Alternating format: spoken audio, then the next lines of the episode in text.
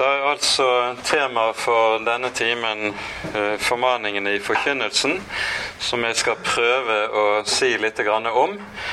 Eh, og så får vi se hvor langt vi kommer.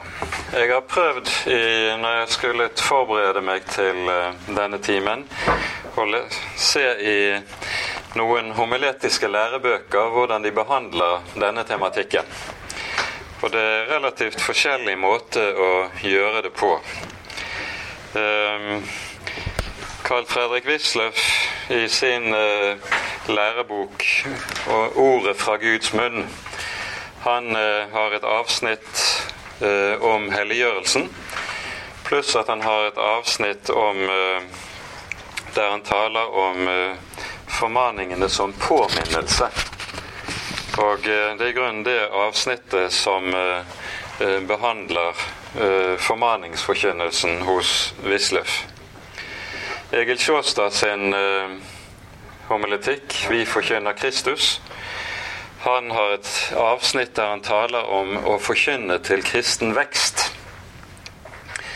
Og der han med en sånn overskrift over det hovedkapitlet, eh, sier han jo noe ganske bestemt om hva han dermed mener at formaningenes hensikt er i forkynnelsen. Formaningenes hensikt er når det gjelder det kristne liv.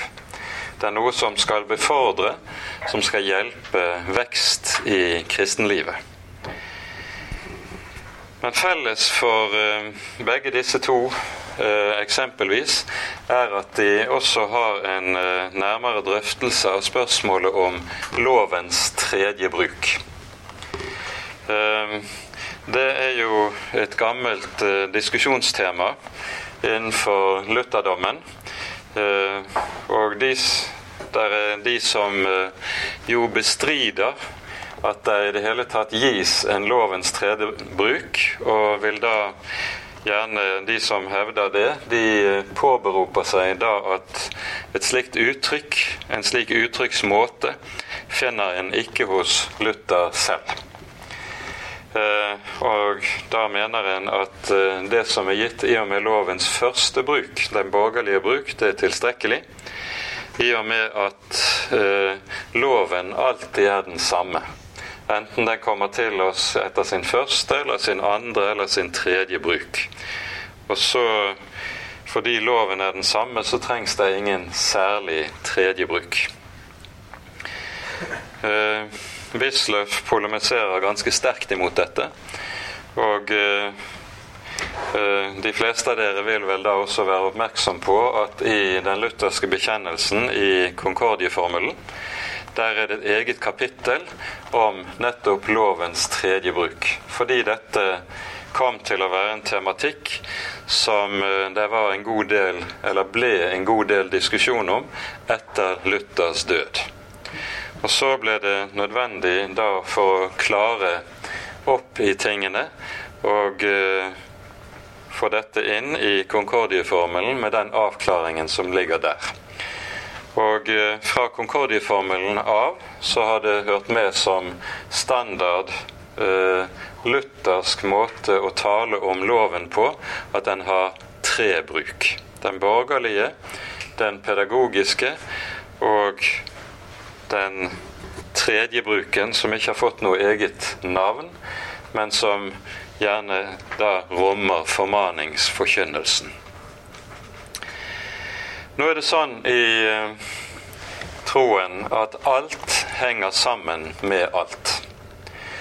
Og skal formaningsforkynnelsen komme til å være sunn og rett, så er det helt avgjørende at det er en del andre saker som er på plass eh, i teologien og hos den som forkynner.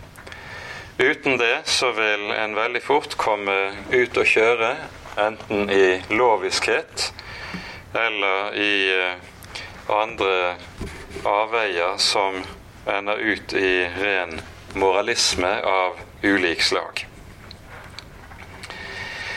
Det første som da vi skal peke på, er nødt til å være på plass hvis det skal tales rett for, om formaningene, det er forståelsen av forskjellen på lov og evangelium. Den store kardinalsynd, slik som eh, lutherdommen tenker når det gjelder forholdet mellom lov og evangelium, det er å blande disse to på en eller annen måte. Det å blande lov og evangelium, det fører alltid inn i ulike former for loviskhet eller lovtrelldom. Og Derfor er klarhet på dette området helt avgjørende. Når vi taler om forskjellen på lov og evangelium, så tenkes det jo da alltid på når vi taler om loven, på loven etter dens annen bruk. Loven som tuktemester til Kristus. Det er det Paulus omtaler i Romerbrevets tredje kapittel når han sier det at alt det loven sier, det taler den til dem som har loven. For at hver munn skal lukkes og hele verden bli skyldig for Gud. For ved loven kommer syndens erkjennelse. Loven etter sin annen bruk er et erkjennelsesmiddel. Et redskap Gud bruker for at mennesket skal lære seg selv å kjenne. Lære seg selv å kjenne slik mennesket ser ut i Guds øyne, ser ut i Guds lys. For nettopp dette er jo en grunnleggende eh, sannhet i slik som Den hellige skrift tenker, at mennesket kjenner egentlig ikke seg selv. Mennesket har det med å bedra seg selv, og ganske særlig på det området som har med troen og med religionens verden å gjøre. Når jeg har talt om disse tingene, så har jeg gjerne brukt ordspråkene 16.2, eh, tror jeg det står, som et eh, nøkkelord. Der står det slik alle en manns veier er rene i hans egne øyne, men Herren veier åndene. Og Nettopp dette eh, griper på mange måter det som vi står overfor. Når Gud skal inn til det falne mennesket, så er hovedproblemet Gud da har å gjøre med hos mennesket, det er ikke menneskets synd i og for seg, men at mennesket er egenrettferdig. Det falne mennesket er dypt egenrettferdig, og det er denne egenrettferdighet som er den største hindringen for Gud til å nå inn til mennesket. Og Derfor sies det 'Herren veier åndene'. Det er det Gud gjør når loven forkynnes, da er det sjelen legges i vektskålen, og mennesket oppdager, sånn som vi kan høre det f.eks. i Danielsboken, veiet, veiet og funnet for lett. Da er det ikke lenger en selvfølge for det falne mennesket at Gud er grei og godtar meg sånn som jeg er. Da blir det i stedet et dypt og eksistensielt problem. Gud er vred på grunn av synden. Og den selverkjennelse som henger sammen med dette, det er det som loven etter sin annen bruk er ment å skape og å formidle. Derfor skal Guds hellige lov aldri forkynnes som noe som er mennesket har mulighet til, evne til eller forutsetning til å kunne oppfylle på en eller annen måte. I stedet står den der som den som anklager det falne mennesket når det avslører eh, sannheten om hvem jeg er. Loven anklager alltid. Det er Melanktons uttrykk som eh, vi møter i eh, apologien i eh, til den augsburgske bekjennelse i artikkel 4. Der er det dette uttrykket dukker opp fra Melanktons munn. Loven anklager alltid. Og Derfor er lovens oppgave en oppgave som er ganske annerledes enn evangeliets oppgave. Ehm, og her blir det jo da på det vis at lovens ord og evangeliets ord, det er to helt forskjellige ord. Um, evangeliet anklager aldri. Men hva er forskjellen på lov og evangelium? Forskjellen består jo for det første i dette at loven det er et ord som peker på meg og på deg, og som sier 'du skal', og 'du skal ikke'. Og når jeg ikke gjør det loven sier, så kunngjør loven dommen over meg og mitt. Men loven sier alltid 'du'. Den peker på deg, på meg, og sier 'du skal', 'du skal ikke'. Evangeliet er et ord som aldri sier 'du skal' og 'du skal ikke'. Evangeliet peker aldri på meg og sier 'du'. Evangeliet peker i stedet på en annen person. Det peker på Kristus og sier hva han har gjort. Hva han har gjort, og at dette som han har gjort, det gjelder som stedfortredende for meg og er tilstrekkelig til å bli frelst på. Loven og evangeliet har en fellesnevner. Begge to kommer med et løfte.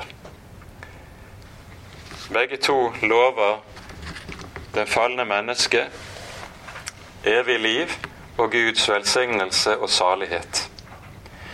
Men forskjellen på lov og evangelium er at lovens løfte er betinget. Den sier du skal få dette liv, du skal få denne velsignelse på betingelse at du oppfyller og gjør det som loven krever. Evangeliet, det er på den annen side et løfte som er ubetinget. Det sier ikke at 'jeg skal få det evangeliet lover' på det ene eller det andre vilkår som jeg må oppfylle. I stedet sier evangeliet at Kristus har oppfylt alle betingelser og alle vilkår for at jeg skal få livet, jeg skal få velsignelsen, jeg skal få lov til å stå i nåde hos Gud. Dette er den store forskjell på loven og evangeliet. Og hvis dette ikke er klart i eh, og ligger der som så å si basis under alt det som forkynnes for menighetene, så vil formaningsforkynnelsen meget fort komme til å bli skjev, bli gal og bli moralistisk og lede inn i en eller annen form for trelldom. Og Dette er viktig å være oppmerksom på. Alt henger sammen med alt. Det er også en annen sammenheng som er avgjørende hvis formaningsforkynnelsen skal lyde rett. Og det er hvordan en skal tenke om forholdet mellom det gamle og det nye mennesket. Her er det jo slik rent kirkehistorisk at det er to ulike modeller som en gjerne har tenkt etter når en har tenkt om forskjellen på det gamle og det nye mennesket.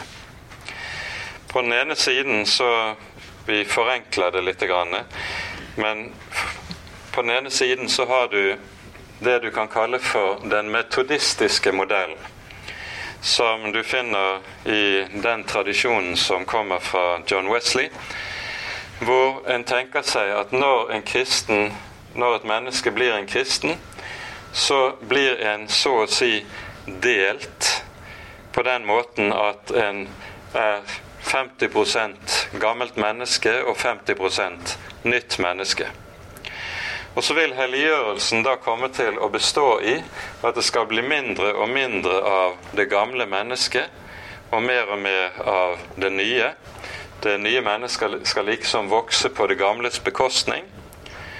Og John Wesley lærer jo også at det i hvert fall er teoretisk mulig at et menneske kan nå så langt at det blir syndfritt når det gjelder eh, i hvert fall forhold til gjerningssynder her i tiden.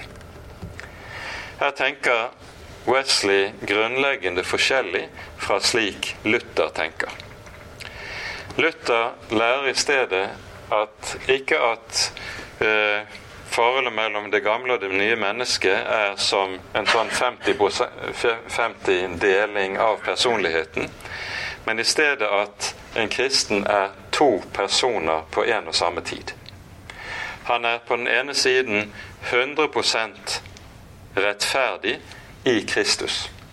Fordi rettferdigheten for Gud ikke består i noe jeg er i meg selv, en kvalitet som jeg får i meg selv, men min rettferdighet for Gud, det er en person. Det er Jesus Kristus med hva han er og hva han har gjort, som er min rettferdighet. Og fordi Jesus er min rettferdighet for Gud, og Jesus er fullkomment syndfri, så er jeg også fullkomment syndfri i ham. Jeg er 100 ren og fri i ham. På den andre siden så er jeg samtidig 100% synder. Det gamle mennesket forandres ikke og forvandles ikke ved gjenfødelsen. Det er der akkurat som før. Det er der gamle Adam er seg selv lik så lenge jeg lever her i verden. Og så er en kristen 100% gammelt menneske og 100% nytt menneske. Han er to personer. Og Dette forholdet mellom det gamle og det nye mennesket som her beskrives, det er helt avgjørende med tanke på at formaningsforkynnelsen må være rett. For hvis man har eh, den metodistiske forståelse liggende i bunn, så vil formaningsforkynnelsen meget fort komme til å få preg av at det en oppmuntrer troende mennesker til å være og eh, bli, det er bedre og bedre dag for dag. Det er den typen uh, helliggjørelsestenkning som da vil komme til å prege forkynnelsen. Og uh, da vil en meget fort komme opp i problemer i forhold til et sånt sentralt avsnitt som det vi finner i Romerbrevets syvende kapittel, der Paulus taler nettopp om forholdet mellom det gamle og det nye mennesket. Helliggjørelsens kamp den utspinner seg nettopp i kampen mellom det gamle og det nye mennesket. Helliggjørelsen består ikke i at gamle Adam avskaffes. Den består ikke i at gamle Adam blir bedre. Men helliggjørelsen består i den utspinner seg i kampen mellom det gamle og det nye mennesket, der det handler om én sak. Hvem av disse to er det som skal styre, som skal ha styringen i livet mitt? Er det gamle Adam som skal styre og råde?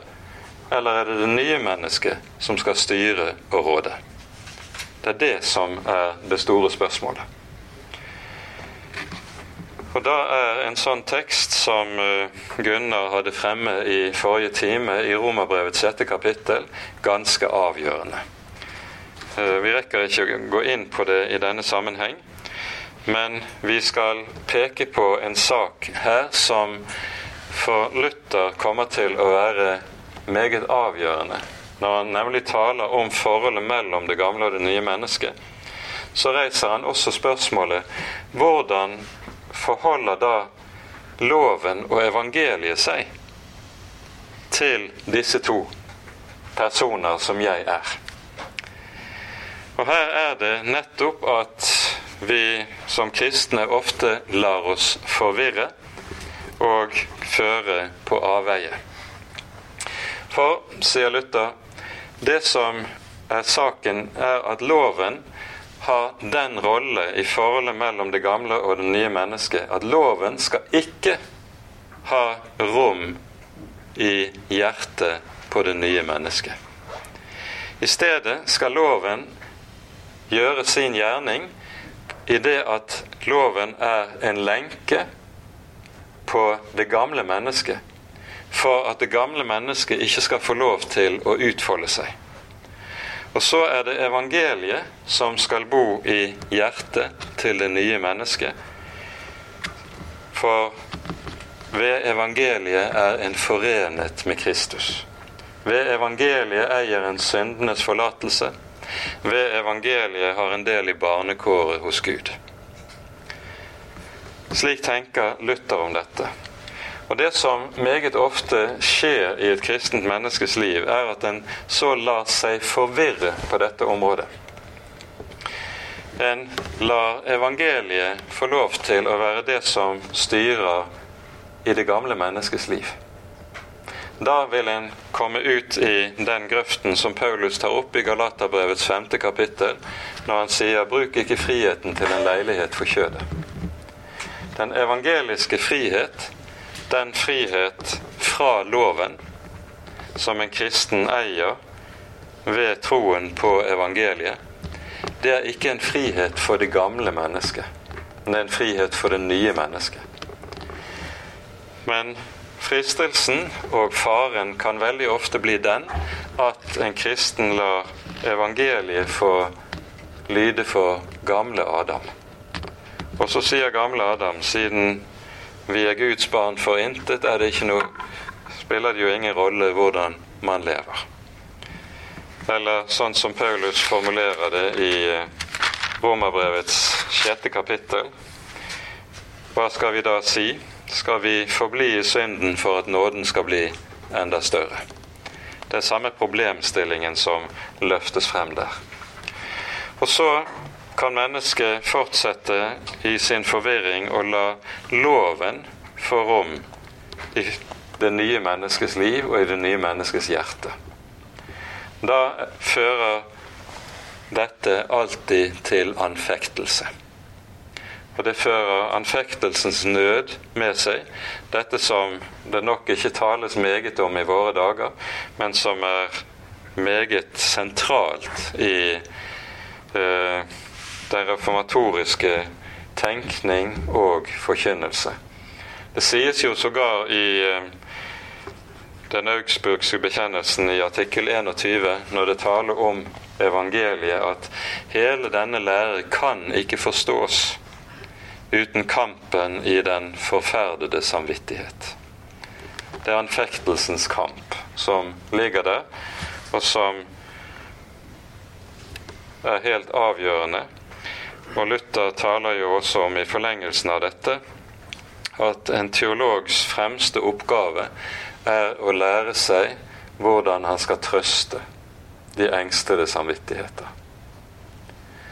For at så skal kunne skje, så er det nettopp dette med en klarhet i forskjellen mellom lov og evangelium en klarhet i det å skjelne mellom det gamle og det nye mennesket, det er helt avgjørende. Alt henger sammen med alt. Det er også en annen sammenheng her som vi bør ha klart for øye, og som ikke minst holdes frem med stor tydelighet hos Martin Luther. Og det er det, det er det, som har vært kalt for den lutherske kallsetikk. Som taler om hva er menneskets situasjon? Hvor er det Gud taler til oss om våre liv her i verden? Jeg har gjerne brukt en liten fortelling fra vekkelsestiden for en 120 år tilbake i vårt eget land for å illustrere hva den lutherske kalsetikken dreier seg om. For dette er en side ved evangelisk tro som i liten grad lyder i våre dager, tror jeg. Det var i eh, en bygd der det var vekkelse. Det var stort liv og stor aktivitet på bedehuset. Og eh, så er det en ung mor som kommer i nød. For eh, med alt det åndelige liv og aktivitet som var kommet i gang under vekkelsen, så følte hun seg ganske satt utenfor. Og så går hun til den lokale prest for å få sjelesorg. Og hun sier til ham følgende Jeg har ikke tid til å gjøre noe for Gud, for jeg har syv barn. Og Dermed så hadde hun ikke tid til å være med på alt det som skjedde på Vedehuset, alt det som man likesom skulle være med på. Jeg har ikke tid til å gjøre noe for Gud, for jeg har syv barn. Da er det presten kan trøste henne med at nettopp det som er Guds gjerning og Guds tjeneste. Det er det som skal skje i hjemmet i forhold til barna. Hun behøver ikke å løpe på bedehuset for å tjene Gud. For gudstjenesten skjer der hvor hun er satt, med barna og det som var kallet i den sammenhengen. Den lutherske kallsetikken den kom til å være helt avgjørende for hele måten å tenke om det kristne livet på inn i en ganske bestemt setting under reformasjonen.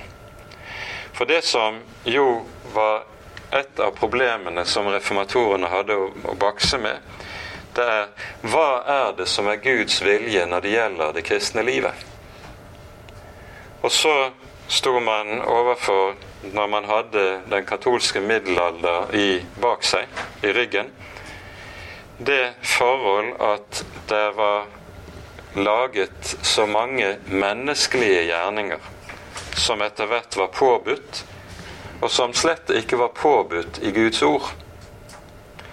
Det var munkevesen, det var pilegrimsreiser, det var relikvier.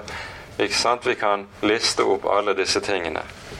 Og alt dette ble ansett som nødvendige gode gjerninger som mennesket skulle vie seg til for å oppnå nåde hos Gud.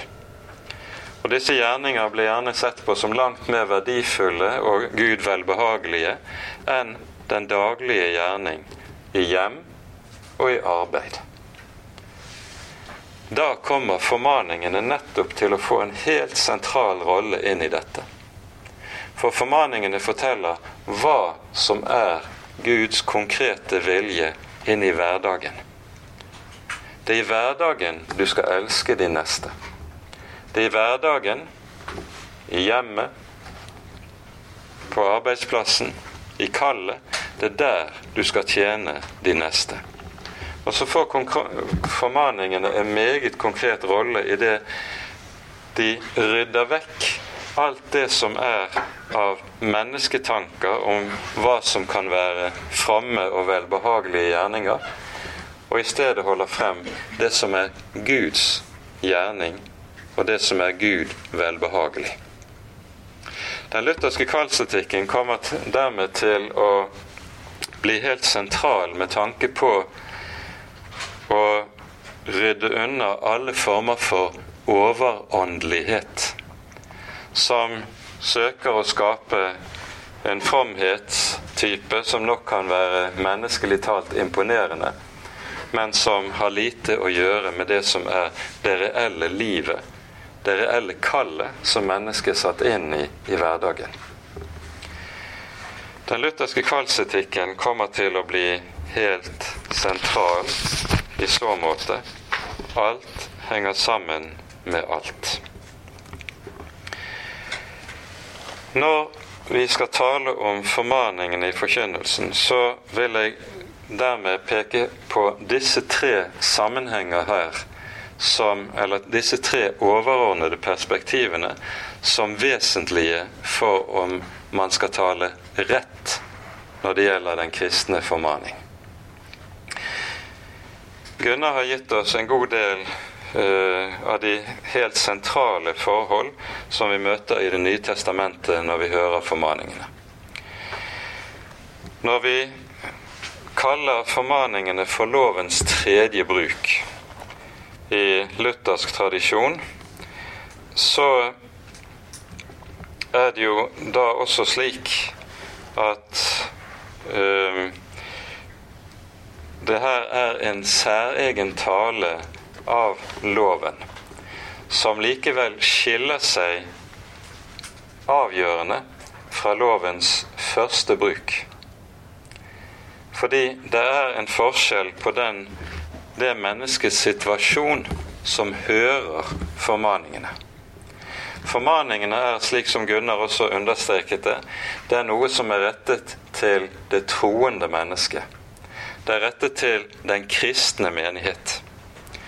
Og Dermed så er det rettet til et menneske som er i en grunnleggende annerledes situasjon enn det mennesket som ikke har del i forløsningen, som ikke kjenner evangeliet, som ikke er i Kristus.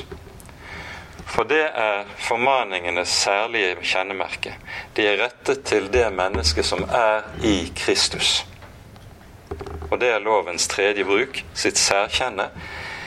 Det, lovens tredje bruk er med andre ord ikke prinsipielt forskjellig, verken fra den første eller andre bruk, men den er forskjellig i det den retter seg til et annet menneske. Nemlig til det mennesket som er i Kristus. Og fordi det retter seg til det mennesket som er i Kristus, så kommer formaningen til å ha en helt annen toneart enn lovens annen bruk har det. Lovens annen bruk har dette med seg at, som vi nevnte fra Melankton, loven anklager alltid. Lex semper accusat. Derfor vil loven når den forkynnes på det vis, alltid oppleves av det falne mennesket som dømmende, som anklagende og som sågar truende. Formaningen, den har en annen toneart, og det, jeg tror det er ganske saksvarende at Gunnar understreket så sterkt som han gjorde, at det nytestamentlige parakalå nettopp kan bety oppmuntring. Det er talt til det mennesket som er i Kristus, og som får en bestemt oppmuntring til når det gjelder sitt liv. Og Her tror jeg vi skal ta med et perspektiv som er ganske viktig i Den hellige skrift. Um, I um, noen av de sentrale profetier i Det gamle testamentet så loves det hva som skal skje når den nye pakt trer i kraft. Da leser vi fra profeten Esekiel i kapittel 36 som et eksempel på dette.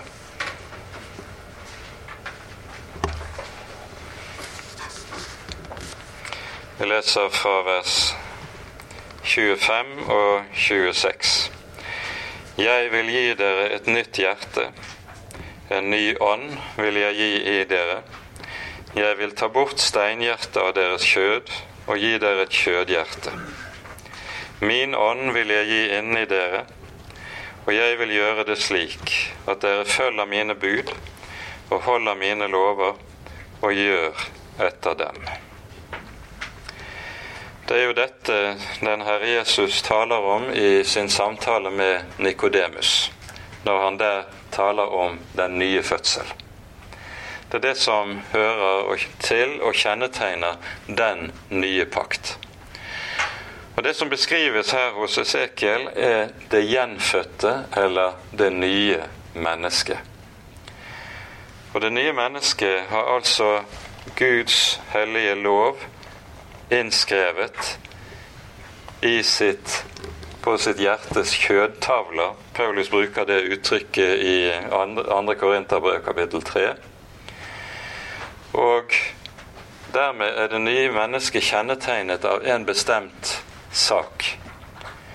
Det har lyst til å gjøre Guds vilje. Det gamle mennesket har det som kjennetegn. Det bærer i seg en sterk motvilje mot å gjøre Guds vilje. Det nye mennesket er kjennetegnet av det stikk motsatte. Det har lyst til, det vil gjerne gjøre det som Gud vil, for det er noe av dets kjennetegn. Dette kalles i har gjerne fått et særegent navn i Det gamle testamentet. Det kalles for det å ha en villig ånd. Et uttrykk som brukes i en rekke sammenhenger i Det gamle testamentet. Hold meg oppe med en villig ånd, ber David i Salme 51 f.eks. Og det er dette formaningene i Det nye testamentet knytter opp imot. For saken er jo da også den at så lenge vi er her i verden, så har vi også det gamle mennesket hos oss. Det gamle mennesket tar altfor ofte kontrollen over oss, tar styringen i livet vårt og tar styringen over hvordan vi tenker. Og Derfor står formaningene der som helt nødvendige ord gitt til menigheten for å gjøre hva? For å påminne. Det er ikke tilfeldig at Karl Fredrik Wisløff i sin homiletikk nettopp taler om lovens tredje bruk som påminnelse til det troende mennesket. Det troende mennesket vet hva som er Guds vilje, men det trenger å påminnes på ny og på ny, fordi det gamle mennesket så lett tar kontroll og forvirrer og fører tankene på ganske andre veier. Og Ganske særlig er dette farlig når gamle Adam begynner å bli from. Når gamle Adam blir from, da skal du ha takk. Det er der, ikke minst, som vi har vært inne på, den lutherske kallsetikk kommer til å være meget viktig.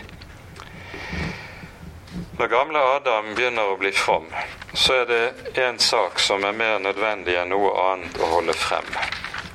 Og Det er noe som Paulus er inne på i flere sammenhenger, det er talen om det å være fri fra loven. Det er bare den som er fri fra loven, som kan bære frukt for Gud. Det er bare den som er fri fra loven, som kan helliggjøres. Og i dette så ligger det en hemmelighet som er dypt paradoksal i Det nye testamentet. Paulus skriver i Romerbrevets syvende kapittel, i dette kapittelet som nettopp taler om forholdet mellom det gamle og det nye mennesket, og hvordan det gamle mennesket ytrer seg også i et kristent menneskes liv. Så skriver han følgende Nå er vi løst fra loven ettersom vi er døde fra det vi var fanget under, slik at vi tjener i Åndens nye vesen, ikke i bokstavens gamle vesen. Og to vers før, i det fjerde verset i Romane 7, lyder følgende Mine brødre, slik døde også dere fra loven ved Kristi legeme, for at dere skal høre en annen til, Han som ble reist opp fra de døde, så vi kan bære frukt for Gud. For Legg nøye merke til denne sammenhengen. Å være død fra loven er vilkåret for å bære frukt for Gud. Og Jeg tenker altså Paulus radikalt annerledes enn fariseeren Paulus gjorde. For fariseeren Paulus var loven nettopp det som var kilden til menneskets hellighet. For fariseeren Paulus var det å rette seg etter loven uomgjengelig nødvendig for at man i det hele tatt kunne bære frukt for Gud, hvis man skulle bruke et sånt uttrykk. For den kristne Paulus får loven en helt annen rolle. Like over det ordet Gunnar leste fra 1. Korinterbrev kapittel 15 i sitt foredrag, så skriver Paulus syndens kraft er loven. Syndens kraft er loven. Dette er en sats som får håret til å reise seg på hodet til en fariseer. For, for fariseeren Paulus forholdt det seg jo stikk motsatt. Men i møte med evangeliet er saken snudd fullstendig på hodet, og så kommer det til å lyde skal det bæres frukt for Gud, så må en være fri fra loven. Slik taler han. Og Derfor er det slik at formaningene nok er en art lovforkynnelse. Men formaningene har det med seg at de ikke i seg selv gir kraften til å oppfylle, til å etterleve dette. Kraften til dette ligger i evangeliet. Det er slik som det har vært formulert. Loven krever hellighet, men den er ikke i stand til å gi det og til å virke det. Det kan nemlig bare evangeliet. På ny forskjellen på lov og evangelium er helt avgjørende. Og Det innebærer at dersom formaningsforkynnelsen skal kunne være rett og være fruktbar, så må den være uløselig knyttet sammen med en rett forkynnelse av evangeliet. Slik Unna gjorde oppmerksom på det som er sammenhengen for formaningene i, eller motivasjonen for formaningene i slik vi finner dem i Det nye testamentet. Romane 12. Jeg formaner dere altså, brødre, ved Guds miskunn Det er der kilden, det er der kraften til å gjøre det formaningene taler om, ligger. Ved Guds miskunn i evangeliet. Uten den motivasjonen så blir formaningene moralisme, og det blir bare slitsomt. Det blir noe som utmatter og tretter den troende menighet. Nå kunne det være fristende å peke på en rekke forskjellige sentrale tekster i denne sammenheng. Vi har ikke tid til det. Men jeg har lyst til å, før vi setter punktum for denne timen, å henlede oppmerksomheten på nettopp på disse to versene i innledningen til Romane 12, som er helt sentrale vers i denne sammenheng. Egil Sjåstad skriver i sin homiletikk om at noe av hensikten med formaningene når de skal skape kristen vekst, det er også å skal hjelpe til å skape åndelig modenhet og kristen dømmekraft. Og Nettopp denne sak er noe som apostelen er inne på her i Romane 12, de to første versene. Vi leser disse to versene i sammenheng. Jeg bruker leser fra norsk bibel, så kan dere følge med i hver sin oversettelse. Jeg formaner dere altså, brødre, ved Guds miskunn, at dere fremstiller deres legemer som et levende og hellig offer til Guds behag. Dette er deres åndelige, deres logiske gudstjeneste, vil noen oversette det. Og så følger det Og skikk dere ikke like med denne verden men bli forvandlet ved at deres sinn fornyes, så dere kan dømme om hva som er Guds vilje, det gode, det Han har behag i, og det fullkomne. Og Der har jeg lyst til å henlede oppmerksomheten på at vi i vers 2 står overfor en følgesetning. Det står 'så dere kan dømme om de forskjellige ting'. Poenget er at den, det kristen menneske som skikker seg like med denne verden, det mister evnen til å dømme og bedømme ting med åndelig dømmekraft. En forutsetning for rett åndelig dømmekraft, det er denne, noe av det apostelen skriver i denne formaningen. Skikk dere ikke like med denne verden, men bli forvandlet ved fornyelsen av deres sinn. Hva denne forvandlingen består i, det tales det meget om i en rekke tekster i Det nye testamentet. Men vi legger merke til at apostelen altså skriver 'bli forvandlet ved fornyelsen av deres sinn', ikke ved fornyelsen av deres skinn. Det handler ikke bare om en blott og bare ytre en endring av livsstil, men det handler om det at det å vokse sammen med Kristus i evangeliet, det er sinnsforvandlende. Det skjer kun på de premisser som apostelen taler om i denne sammenheng. Og Her står vi overfor en formaning som kanskje burde lyde langt sterkere enn den gjør i våre dager. En av de saker som kjennetegnet pietismen, var den sterke advarsel mot å skikke seg like med denne verden. Det er noe som man i liten grad hører i forkynnelsen i våre dager. Det spørs om ikke det er helt nødvendig at denne sak burde løftes frem igjen. For det ser ut til at kristne mennesker i stadig større utstrekning lever på samme måte som man ellers gjør i den verden som omgir oss.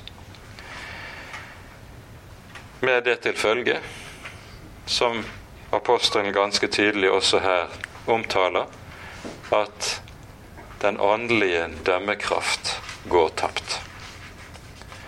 Og da står man også i en meget farlig situasjon. Vel, dette ble noen glimt av noen sammenhenger som jeg tror er sentrale for å tenke rett i denne sammenheng. Og så får samtalen bli en fortsettelse og eventuelt utdypelse og korrigering hvis det er nødvendig. Takk for oppmerksomheten.